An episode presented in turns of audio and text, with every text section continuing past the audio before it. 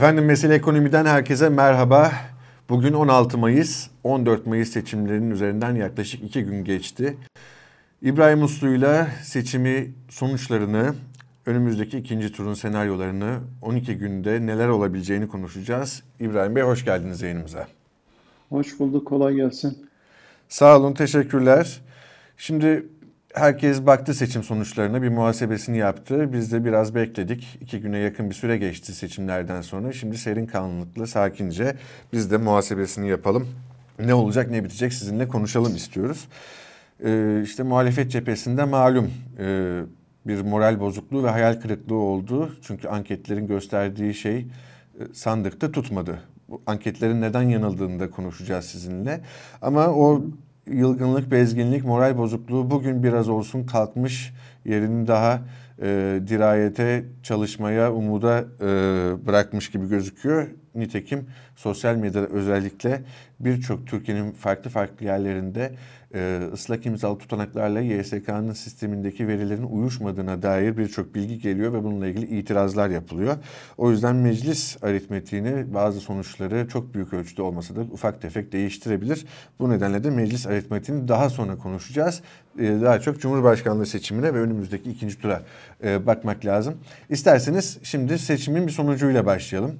Ne oldu? Ben ufak bir giriş yapıp size sözü vereyim. Benim için en önemli sonuçlardan bir tanesi şu. 21 yıldır Türkiye'yi yöneten Cumhurbaşkanı Recep Tayyip Erdoğan seçmenin çoğunluğunun oyunu alamadı birinci turda. Ve Türkiye birinci turda Cumhurbaşkanı'nı seçemedi. Şimdi 12 gün sonra sil baştan Cumhurbaşkanlığı seçimini yapacağız. Siz nasıl yorumluyorsunuz birinci tur sonuçlarını? Öyle hakikaten. Şimdi AK Parti'nin böyle bir huyu var. Eğer hedeflerini gerçekleştirdiyse detaylara kendisi de bakmıyor. İnsanların da bakmamasını bir şekilde sağlıyor. Ve o konuşulmuyor. Dolayısıyla böyle mutlak bir zafermiş gibi e, bu değerlendiriliyor. Şimdi AK Partililer öyle bir şey yani sanki oy patlaması yaşanmış. Ben mesela bu BK söylemi arzu ettikleri sonucu bir önceki seçimde de doğurmadı, burada da doğurmaz falan dediğimde nasıl çalışıyor muymuş BK söylemi diye soruyorlar. Mübarek çalışsaydı 42,5'tan 35'e düşmezdiniz yani 7,5 puan oy kaybettiniz. Şimdi bu 7,5 puanlık oy kaybına bakmıyor bile. Hedef ne? İşte bir şey e, öyle ya da böyle. Cumhurbaşkanlığında kazanıyorsa, kazanamadı, kazanmış gibi davranıyorlar. Hmm, evet. Ve parlamento çoğunluğu bulursa gerisi önemli değil modundalar. Oysa ki Orada bir sürü sinyal var. Şimdi evet e, yani sinyal var da siyasi sonuçlarını değiştirmiyor. Tamam doğru ama e, şey hmm, BK söylemini kullanmasaydı da bu oyu alırdı yani. Mesela buralarda kalabilirdi. Başka yöntemlerle de bu oyu belki de oyunu daha da yükseltirdi. 7,5 puan değil belki 3 puan kaybederdi, 4 puan kaybederdi. Hani bunlar şey hipotetik konular ama şey yani evet baktığınızda AK Parti ilk kez bu kadar şey e, bu seviyelere indi. Kurulduğu ilk e, girdiği seçimde 35'e yakın bir oy almıştı. Şimdi yine 35'e yakın bir oy aldı. O yani içindeki beri şeyleri, aldığı en düşük oy AKP'nin. Evet o şey ilave oyları diğer partilerden gelen oyları falan da elimine etseniz muhtemelen 2002'deki seviyesine geri döndü. Yani 20 yıl öncesine geri gitti AK Parti oy oranı itibariyle. İkincisi ee, Cumhurbaşkanı Erdoğan 2014'te tek başına yarıştı. İlk turda 51,5 aldı. İkincisinde artık tek başına yarışacak durumda değildi. MHP'nin desteğiyle e, zaten kendi oyu 42,5'tu. Hatta onun da biri Büyük Birlik oylarıydı. Kendi oyu 41,5'tu. MHP'nin ve Büyük Birliğin oylarıyla seçilmişti. Şimdi MHP Büyük Birliğe ilaveten Hüdapar, Yeniden Refah, DSP falan gibi ve çok sayıda e, başka yapı, tarikat, cemaat vesaire herkesin desteğini aldı. Hepsi açıkladı sanki koalisyon ortağıymış gibi. Netice ilk turda ipi göğüsleyemedi. Ee, şimdi demek ki bir şeyler yanlış gitmiş e, Cumhur İttifakı açısından da ve ikinci tura kaldı. Fakat öyle bir hava var ki sanki zaten hani seçim ilk turda kazanıldı 2018'deki e, gibi e, hiçbir sorun yokmuş gibi. Ama özgüven var tabii yani nasıl parlamento aldık Cumhurbaşkanlığında ikinci turda alırız diye. Evet yani bu mümkündür. Şu an için avantajlılar. Yani alamazlar falan anlamında bir şey söylemiyorum. Ama e, yakından baktığınızda e, muhalefet cephesinde de aslında tartışılması, konuşulması falan gereken bir sürü şey var. E, husus Tabii. var. orada da ciddi başarısızlık var. Şimdi şu an iki parti oy kaybetti. Aslında üç parti oy kaybetti. Bunlardan birincisi açık bir biçimde AK Parti. 42,5'tan 35'lere düştü. 7 Yaklaşık puanın 2,5 üzerinde bir oy kaybı. kaybetti. Evet. Ee, şey e, daha fazla olması lazım. Yani o şeye baktığınızda e, 700 7 puan bir öncekine göre e, tabii seçmen sayıları arttı vesaire falan. Tabii. E, ama şey, yani bir, bir yüzde birlik dilim e, 55 milyondan fazla şey e, 5 550 binden fazla oya tekabül ediyor. 7 puan olunca da işte 3-4 milyon oy aslında yapıyor. E, şey e, ama önemli olan işte yüzdeler üzerinden konuşalım. Miktarlar, seçmen miktarlar falan değiştiği için e, sandığa gitme oranları değişiyor. Şey e, iptal oy oranları değişiyor falan. E, oran olarak baktığınızda 42,5'tan 35'e düştü. E, ikinci e, oy kaybeden parti e, Yeşil Sol Parti. Evet bir önceki seçimde Yeşil Sol Parti yoktu YSP. Bu seçimde giriyor ama HDP bir önceki seçimde 11 almıştı ve 8,5'a düştü. Tiple birleştirseniz bile hala bir net bir oy kaybı var. Yani yine 11'i aşamıyor. Bir önceki seçimde 11'i açmıştı tek başına. Orada da evet belki bir koalisyon vardı falan ama zaten şey YSP'de bir oy kaybı yaşandığını kabul ediyor. Üçüncüsü yani büyük seçim zaferi falan deniyor. MHP MHP 11 almıştı bir önceki seçimde ona düştü. Aslında baktığınızda MHP'de de bir puanlık oy kaybı var. E bir puanlık oy kaybı bir kaybı bir şey değil canım. Bizim anketlerde düşük görünüyorduk, yüksek aldık. Tamam evet yani anketlerin yanılmış olması sizin oyunuzu arttırdığınız anlamına gelmiyor. Herkes de MHP oy arttırdı. MHP'deki oy artışlar nereden geliyor? Oy artışı falan yok. MHP 11'den ona düştü. Yani dolayısıyla e, baktığımızda şey evet az kaybetmiş. AK Parti 7 puan kaybederken MHP sadece 1 puan kaybetmiş ama kaybetti mi? Kaybetti yani. Onu da şey net bir biçimde söyleyeyim. Matematik yani spekülasyon yapacağımız bir şey değil. %11'di. %10'a düştü bu seçimde. Dolayısıyla oy kaybeden 3 tane parti var. Aşağı yukarı geçmeyen seviyesinde kalan işte şey var. İyi Parti var. 9 küsürdü. Yine 9 küsür aldı. Bu aradaki 4 yılı muhalefette olmasına rağmen büyüyemeden geçirmiş. Dolayısıyla o niye ben büyüyemedim yani iktidar partileri küçülürken biz niye büyüyemedik diye sormaları gerekiyor. Evet alternatif partiler çıktı, yenildi falan. Ama sonuçta %17'lere kadar tırmanmayı başarmış bir partiyken %10'un altına indi ve orada da bir sorun var. CHP 22,5 almıştı. Bu seçimde 25'in üzerine çıktı. Fakat kaçı kendi oyu, kaçı bu ortaklaştığı diğer partilerden geliyor falan.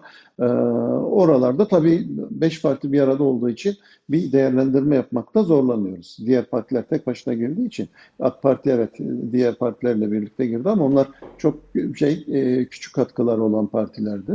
Hmm, ama MHP'nin pozisyonu net, İyi Parti'nin pozisyonu net, Yeşil Sol Parti'nin pozisyonu net ve oralara da daha rahat konuşabiliyoruz. CHP'de bir yükseliş görünüyor. 22,5'dan ee, 25'in üzerine çıktı. Ee, fakat e, işte yani e, şey e, orada da dediğim gibi diğer partilerden gelenler ne kadar CHP'de de bir oy kaybı yaşandı mı yoksa diğer partilerden pek bir oy kaybı gelmedi. Bu oyların büyük çoğunluğu zaten CHP'nin oylarının dolayısıyla CHP'de bir iki puanlık artış var mı falan diye değerlendirilebilir. Birincisi bu. İkincisi Cumhurbaşkanlığında Sayın Erdoğan ilk kez ilk turda ipi göğüsleyemedi. İkinci tura kaldı. Dolayısıyla ilk turun bir galibi yok. Avantajlı, kısmen de avantajlı, dezavantajlı falan olanı var ama bir galibi yok. Yani büyük seçim zaferi falan değil. Ee, işte bugün Sayın Erdoğan e, işte güzel bir ifade kullanmış. Seçimdeki başarımızı zaferle taşlandıralım diye ikinci tur için evet. işte başarı ve zafer kavramlarını kullanıyor. Ee, fakat e, AK Parti medyasına e, falan bakacak olursanız zaten büyük bir zafer yani öyle konuşuluyor. Biz söyledik zaten. Yani söylediniz de yani 7 puan parlamentoyu kaybettiniz. Şey burada da Cumhurbaşkanlığında ilk turda seçilemedi Sayın Erdoğan. Evet yani zaferle taşlandırabilir mi? Evet elbette ki bu olasılık söz konusu. Hatta e, büyük olasılık yani şeyin avantajlı olan, bu yarışta avantajlı olan elbette ki şu koşullar altında Sayın Erdoğan. Hmm, ama ortada bir reel durum var. Ortak sayınızı arttırmanıza rağmen e, hala az şey yani yeniden refah falan yani bir iki puanlık net bir avantaj şey ilave avantaj getirdi mesela. Ona rağmen şey Sayın Erdoğan ilk turda bitirmeyi başaramadı. Yani evet. o yüzden de yani o son dakikada yeniden refahla uzlaşma olmayacak olsa, yeniden refah mesela kendi adayını gösterecek olsa bu sefer Sayın Erdoğan 47-48 arasında falan bir yerlerde olacaktı. Yani ortak sayısını arttırarak ancak şey e, finişe yaklaştı ama ona rağmen e, ipi göğüslemeyi başaramadı.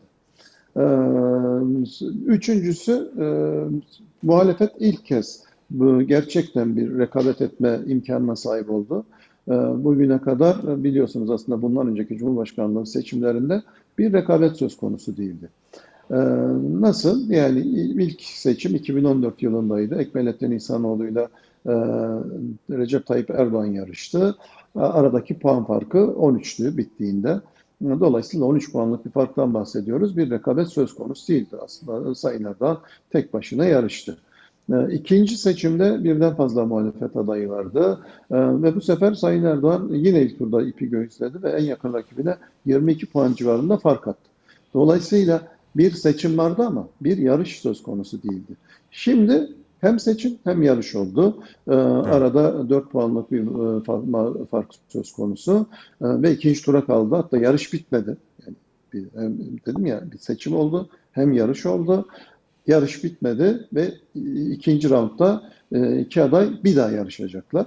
Evet, ee, evet. Dolayısıyla bütün bunlar Siyasetimizde aslında bir sürü şey yeni şey yazan e, şey yaşandı ve yaşanmaya devam edecek. Şimdi bunların ama böyle ya seçim akşamının psikolojisiyle AK Parti seçim akşamının psikolojisini iyi de yönetti. E, büyük bir seçim zaferi. Sanki 2018'den bahsediyormuşuz gibi bahsediliyor. Hayır, 2018 değil. Yani bu 2023 seçimleri 2018'deki gibi bir tablo ortaya çıkarmadı. Bir sürü yenilik var. Evet yine bir başarı şey var. E, Cumhur İttifakı'nın başarısı söz konusu. Ama zaferi söz konusu değil. Parlamento seçimlerinde e, siyasi hedeflerini gerçekleştirmeyi başardılar. Ama ona rağmen AK Parti 30'a yakın milletvekili kaybetti. Evet yani hala ıı, şey e, Cumhur İttifakı totalde e, 320'nin üzerine çıktı. En son rakam 322 civarındaydı. E, düz 320 diyelim biz. E, ama AK Parti'nin artık 295'i yok yani böyle 300'ün hemen dibinde değil. E, çünkü kaybettiği milletvekillikleri var. E, diyelim ki MHP ile falan arasında bir sorun yaşanacak olsa bir anda parlamentoda topal ördek haline gelebilecek e, bir pozisyonda duruyor. Yani Kırılgan Parti, bir pozisyon. Evet, bir, bir zafer e, şey e, başarı elde etti. Ama kırılganlıkları bu süreç içerisinde 2018'den 2023'e geldiğinde de arttı. E, bunları da şey görmek lazım. Bu önümüzdeki siyasal süreçler nasıl falan onlar bahsi diğerler. Ama AK Parti'de bazı şeyle evet bir seçim başarısı var fakat epey de kayıplar var. Bu kayıplarla birlikte elde edilen bir şey ve ortaklarının varlığı sayesinde bu başarı elde edildi. Ee, ama iktidar sürecini tek başına yönetiyor şimdi kabinede falan şu ana kadar. E, yalnızdı biliyorsunuz MHP kabineye falan girmedi. E, ve tabii 5 yıllık bir süreçte bir sorun çıkacak olsa, bir uzlaşmazlık çıkacak olsa AK Parti bir anda topal ördek durumuna düşme riskiyle de aslında her an karşı karşıya. Evet bunları önümüzdeki süreçte konuşacağız görünen o ki. Ama şimdi isterseniz biraz ikinci tura odaklanalım. Şimdi ikinci tur için e, bazı senaryolar şimdiden yapılmaya başlandı. Tabii en çok odaklanan noktaların başında da Sinan Oğan geliyor. Ee, Sinan Oğan'ın bir e, kral yapıcı İngilizce tabiriyle kingmaker olduğu e, yönünde yorumlar var. Bu tabii ki tartışmalı bir yorum çünkü Sinan Oğan'ın e, kendi kitlesini e, bir blok halinde Cumhur ya da Millet İttifakı'na Erdoğan'a ya da Kılıçdaroğlu'na çekip çekemeyeceği e, su götürecek bir şey.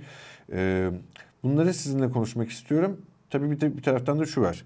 Şimdi Erdoğan'la Kılıçdaroğlu arasında yaklaşık 2,5 milyon oy farkı var. İşte efendim 1 milyon geçersiz oy var. E, sandığa katılım %87'de kaldı. Daha yukarıya çıkarılabilir. Birçok faktör var. Bunları saymamın sebebi de şu. Sizinle daha önce yaptığımız programlarda da hep söylemiştik. Biz daha önce Cumhurbaşkanlığı seçiminde ikinci turu yaşamadık. Şimdi ilk defa yaşıyoruz. Ve bu birçok parametreyi hep beraber e, ilk defa deneyimleyeceğiz ve hesaba katacağız, üzerine konuşacağız. Önümüzde 12 gün var.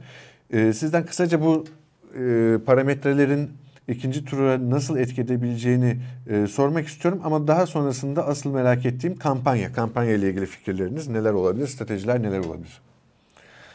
Şimdi burada en temel sorun bugünden sonra gerek Erdoğan tarafının gerekse Kılıçdaroğlu tarafının en önündeki en büyük e, bence e, uğraşacakları, odaklanmaları gereken en önemli sorun sandığa katılma oranının muhafaza edilmesi. Şimdi e, özellikle bu ortak partiler açısından e, ve onların seçmenleri açısından e, ikinci tura sandığa gidip bu turda olduğu gibi büyük bir motivasyon oy vermeleri sağlayacak hiçbir gerekçe yok. Bir ortalama MHP e, şeyi e, seçmeni zaten partisine oy verdi. Partisi oylarını korudu. Milletvekillerini aldı. Evet seçimin flash isimlerinden biri oldu. Flash partilerinden biri oldu. Hedeflerini gerçekleştirdi. Şimdi Sayın Erdoğan'ı Cumhurbaşkanı yapmak için elbette ki MHP'nin o 10 puanın bir kısmı, önemli bir kısmı sandığa gidecek. Ama diyelim ki ıı, bir puanı, iki puanı abi hani Erdoğan olur ya da olmaz. Ben çok da o kadar enteres etmiyor derim. Aynı şey diyelim ki e, yeniden refah seçmenleri için. Yeniden refah seçmenlerinin yani sevdiği lider belli. Fatih Erbakan. Ee, yani Erdoğan bütün karizmasıyla, bütün gücüyle e, falan Türkiye'yi yönetirken yıllardır onlar Erdoğan'a değil Fatih Erbakan'a oy veriyorlar. E, parlamento olmuştu. Milletvekillerini çıkardılar. İlk turda da Erdoğan'a oy da verdiler. İkinci turda tekrar gidip aynı motivasyonla Erdoğan'a oy verirler. Soru işareti. Ee, aynı şey Millet İttifakı için de geçerli.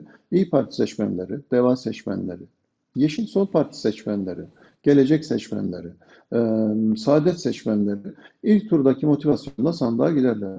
Yurt dışındaki seçmenler bir süre eziyete katlanıyorlar. Amerika çok büyük bir ülke. E, işte e, bir günlerini harcadılar falan gittiler döndüler.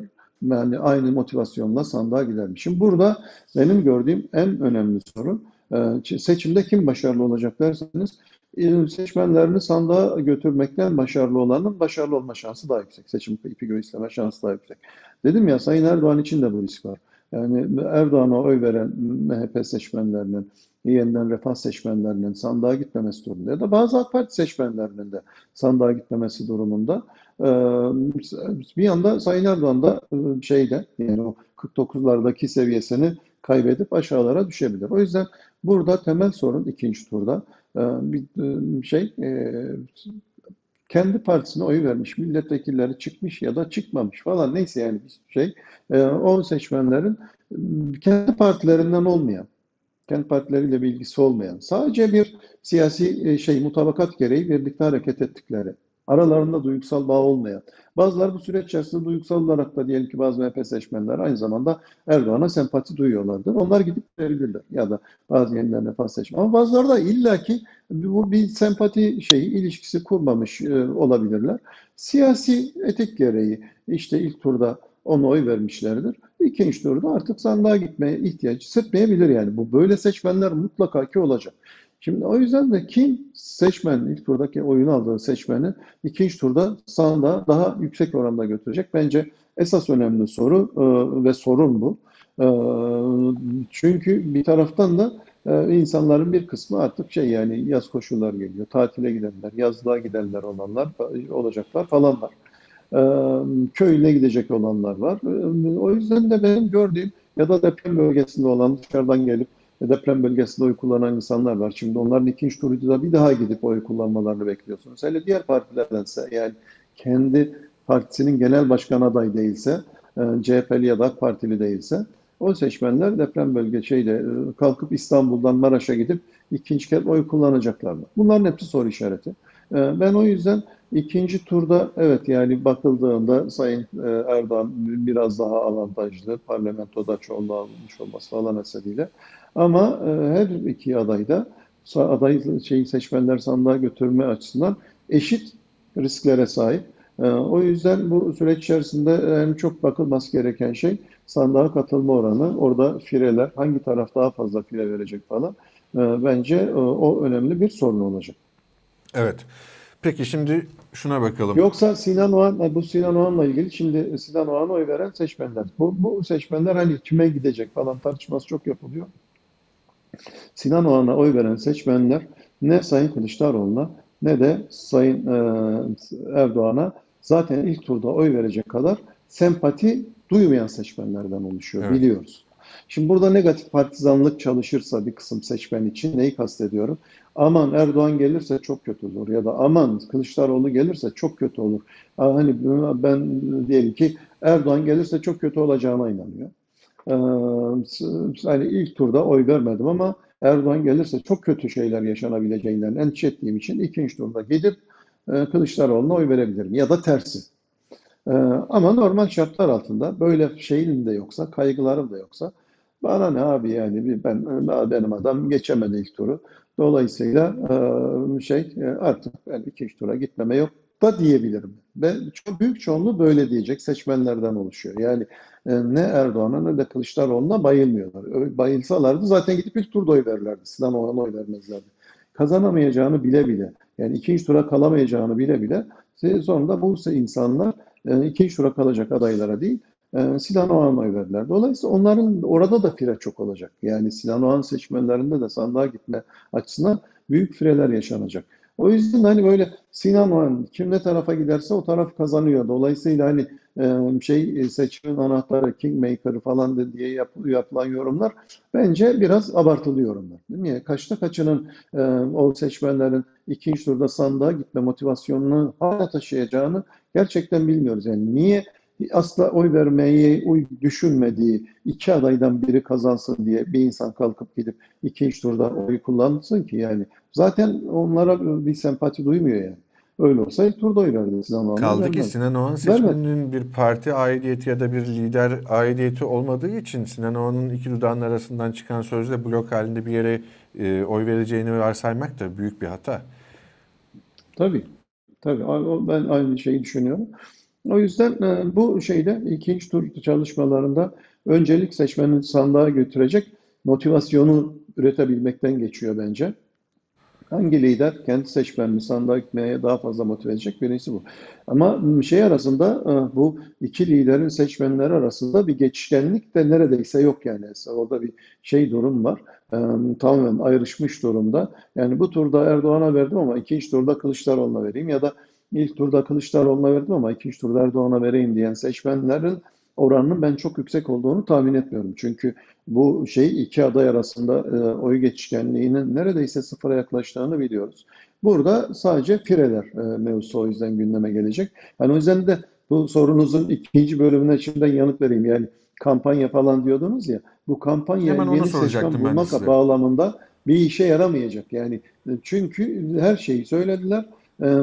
Zaten seçmenler ikna oldu ve çok yüksek oranda gitti. %87'nin üstüne çıkarmak katılım oranına mümkün görünmüyor. Katılım oranı sadece şey düşebilir, daha da düşebilir. Yani 87'den diyelim ki 82'ye düşerse o 5 puan kimden kopacak? Dengeli dağılırsa ilk turdakine benzer bir sonuç çıkar ama dengesiz dağılacak olursa diyelim ki Kılıçdaroğlu taraftarları demoralize oldu, sandığa gitmedi ya da Erdoğan taraftarları ya nasıl saldık reis alır ikinci turda dedi, üşendi. MHP'ler bir, bize ne alır almaz dedi, gitmedi, büyük oranda fireler verdi falan. O zaman şey ikinci turda sürprizlerle karşılaşabiliriz. Burada kampanyaların temel özelliği, e, söyleminin şey iletişim hedefi seçmeni yeniden sandığa gitmeye motive etmek olacak. E, Onun dışında ben daha iyiyim, bana oy verin falan dediğinizde bunun etkili olacağını ben zannetmiyorum. Daha güzel projelerim var. Tamam. Bana Hemen, gelirseniz hemen falan bunu, bunu sormak iki istiyorum taraf size. birbirinden oy transfer edemiyorlar. Şimdi kampanya o zaman e, daha önce de konuşmuştuk. İkinci tura kalırsa özellikle iktidarın e, bunu tamamen bir referanduma dönüştüreceğini, e, beka ve işte istikrar üzerine kurgulayacağı bir referanduma dönüştüreceği zaten şu anda da apaçık zaten başladılar buna. E, Ama muhalefet cephesinde ne olacağı hala tam belli değil. Bugün belli ki e, Kemal Kılıçdaroğlu stratejisinin kampanyasının sinyallerini verecek bir açık, basın açıklaması yapması bekleniyor. Öte yandan e, kampanya ve söylem kısmının başına Ekrem İmamoğlu'nun geleceği e, ve onursal adı güzelden boşalan bu e, işte veri takibi seçme e, seç, sandık güvenliğinin başına da Canan Kaftancıoğlu'nun geleceğini e, bugün kulis bilgileriyle duyduk. Bir taraftan bu gelişmelerle beraber söylemin kampanyanın ikinci turda e, öne çıkacak motiflerin neler olacağı e, merak konusu. Siz böyle bir kökten değişim bekliyor musunuz? Öncelikle bunu sorayım. E, CHP'nin Millet İttifakı'nın e, Kılıçdaroğlu'nun kampanyasında e, bu işte örnek olarak söylüyorum. E, bu işte biz gelirsek demokrasi barış kazanacaktan ziyade e, mesela mülteci konusunun ön plana çıktığı, daha milliyetçi e, motiflerin ağır bastığı e, ve tabii ki işte Erdoğan kazanırsa Türkiye çok kötü olur, işte her şey berbat olur gibi daha çok korku odaklı bir söylemin e, öne çıkması ihtimallerini nasıl değerlendiriyorsunuz böyle?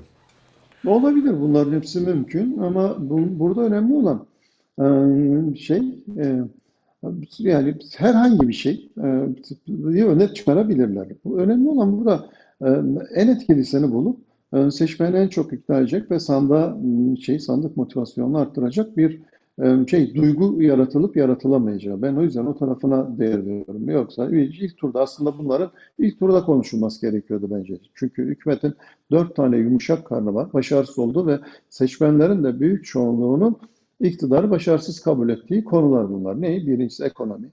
İkincisi göçmen meselesi. Üçüncüsü kadın meselesi. Bakın biz bu şeyde seçimde kadın meselesini çok az konuştuk ve kadınlar biz şeyin siyasetin sahnesinde görmedik. Oysa ki çok büyük risk altında kadınlar. Ee, İstanbul Sözleşmesi falan kaldırıldı ve kadınlarla ilgili beni ürküten şeyi kanaatleri olan e, iki tane partinin ikisi birden şu an mecliste ve e, şeyi onların ülkenin e, ülkede genel havasını nasıl bu kadın meselesi bağlamında enfekte edeceğini birlikte göreceğiz yani e, Allah ömür verirse. Umarım yanılırım ama ben hiç yanılacağımı zannetmiyorum. Çok şey yani korkunç fikirleri var. Tek tek evet. detayına girmiyorum şimdi konumuzla evet, şey evet. alakası ama kadınları mesela biz şeyde çok etkili biçimde e, muhalefetin kampanyasında kullandığına şahit olmadık. Oysa ki olması gerekirdi. Artı deprem meselesini de konuşamadık afet hazırlık. Dolayısıyla yani bu dört mesele e, vatandaşın hükümeti başarısız buldu. Hükümetin de kendini savunmakta zorlandığı konularda biz o konuları konuşmadık. Başka konular konuştuk. Hükümetin daha görece daha güçlü olduğu, yani siyasal kimlik tartışmaları, terör e, tartışmaları, e, ulusal güvenlik, güvenlik riskleri ve e, savunma sanayi yatırımları konularını konuştuk ki bunlar genel olarak hükümetin başarılı bulunduğu alanlar. Yani rakibinizin e, şeyde en başarılı olduğu alanlar üzerinden tartıştığınızda e, şöyle bir şey muhtemelen gözetildi. Yani zaten ekonomi konusunda başarısızlığı seçmen kabul ediyor. Biz başarılı olduğu düşünülen alanlara saldıralım, oradaki algıyı bozalım. Ama bu dimyata pirince giderken evdeki bulgurdan olundu. Oralarda evet. hükümet başarısını anlatma fırsatı buldu. Başarısız olduğu alanlar hiç konuşulmadığı için de o görünmez hale geldi. Şeffaflaştı o meseleler. Allah'tan hani bir tek şey soğan fiyatı 35 liraya çıktı da biz bir iki gün ekonomiyi fark eder gibi olduk ama yine yeniden SİHA'ya bilmem neye döndük ve soğan e, meselesi kayboldu. Hatta orada mesela çok akıl dışı e, soğan mı tok mu falan şeyine ikilemine falan sokmak gibi kim yaptı bilmiyorum ama böyle parlak fikirler de ortaya çıktı.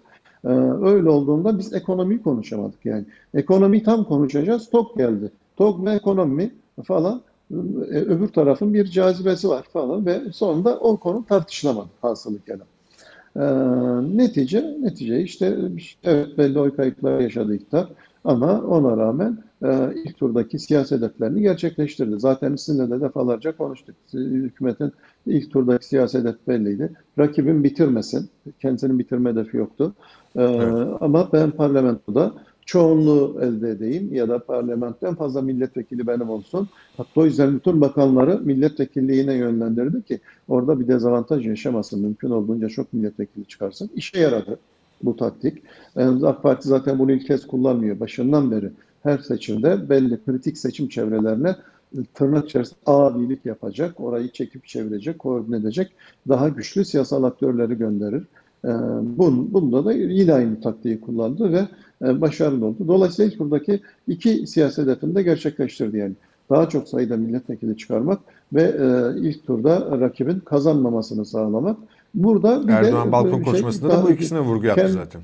Tabii açısından e, şey bir güzel bir sürpriz. E, Bir de rakibi e, kendisinden daha ileride değil, kendisinden daha geride kaldı. Dolayısıyla da o başarı, ilk turdaki başarı iyice perçinlenmiş oldu. E, Şimdi ikinci tura dair stratejik hedeflerini gerçekleştirecekler. O da ne? Mümkün olduğunca makası açarak ikinci turda kazanma. E, Şu anki stratejik hedefleri de o. E, O yüzden hani İki tarafın yani bu kampanyası bir önümüzdeki e, hangi konu daha somut konu şeylerle konuşacağız sizinle de sanırım. Tabii Bence de yani böyle bir, bir ilk turdaki gibi somut kampanyalar falan olmaz burada. Ee, seçmen artık yani top sende, karar senin. Ee, işte biraz öncesinde söylediğiniz gibi ülkeyi HDP yönetsin istiyorsan, ülke e, şey e, parlamentoda çoğunluğu olmayan bir cumhurbaşkanı tarafından yönetilsin de her gün krize savrulsun istiyorsan git Kılıçdaroğlu'na ver. İstikrar istiyorsan ve teröristlerin tırnak içerisinde e, söz sahibi olmasını istemiyorsan da bana gel diyecek. Şimdi bu kampanya bundan ibaret. Evet, Artık evet. öyle hani filmler, bilmem neler, görseller, billboardlar, sloganlar e, falan filana ihtiyaç yok. Çok seçmene diyecek ki ver kar- kararını ver kardeşim. E, Bana gelirsen istikrar var, güvenlik var E, ve bu e, şey terör uzantısının, terör örgütünün uzantıları Türkiye'yi e, üzerinde söz sahibi olamayacak. Ülke parçalanmayacak dolayısıyla. E, Şimdi şeyin onun mesajı belli. Evet, Muhalefet de çok net. tersini söyleyecek. Bugün Sayın Kılıçdaroğlu'nun e, şeyinde vardı yani e, bu sefer aldık aldık yoksa hani karanlık bir tünele giriyor ülke. Evet, E, gençlere sen se- tehlikenin se- farkında seslendiğinde mısın diye sordu söyledikleri gençlere. Yani Evet. söylediği buydu. O, o da diyor ki karar senin. Erdoğan'ın bu 5 yıllık performansını biliyorsun. E, Ekonomik krizler ve özgürlükler açısından e, çok şey e, sorunlu bir dönem yaşandı. Yeniden kazanacak olursa yani burada neler yaşanabileceğini sen tahayyül et. Ya Erdoğan'la devam et. e, hayatından memnunsan yok artık bir şeyler değişsin diyorsan da gel bir destek ver. Biz de elimizden geleni yapalım ve e, ülkeyi e, şeyi değiştirelim. Değişim sürecini başlatalım. E, dolayısıyla herkes sorumluluğu bu sefer seçmene yükleyecek ve e, zaten öyle aslında yani şey teorik olarak da doğru bir şey. E, seçmen e, nasıl bir ülkede e, yaşayacağına, e, nasıl bir siyasal model çerçevesinde yaşayacağına karar verecek. İki tane model var çünkü önünde. Meşrebine göre, şeyine göre, e, ideolojik kökenlerine göre, siyasal kimliğine göre e, birinden birini tercih edecek. Bence yani kampanyalar bu sefer e, kampanyanın mekaniği çok basit yani. Vatandaş önünde iki seçenek var. Hani bu Matrix'te vardı ya kırmızı hap mavi hap. Birinden birini seç ama seçtiğinden geri dönüş yok. İkisinden birini seçecek. Bence o Herkes, şey herkes için siyah e, ve beyazın oylanması olacak iki taraf için de.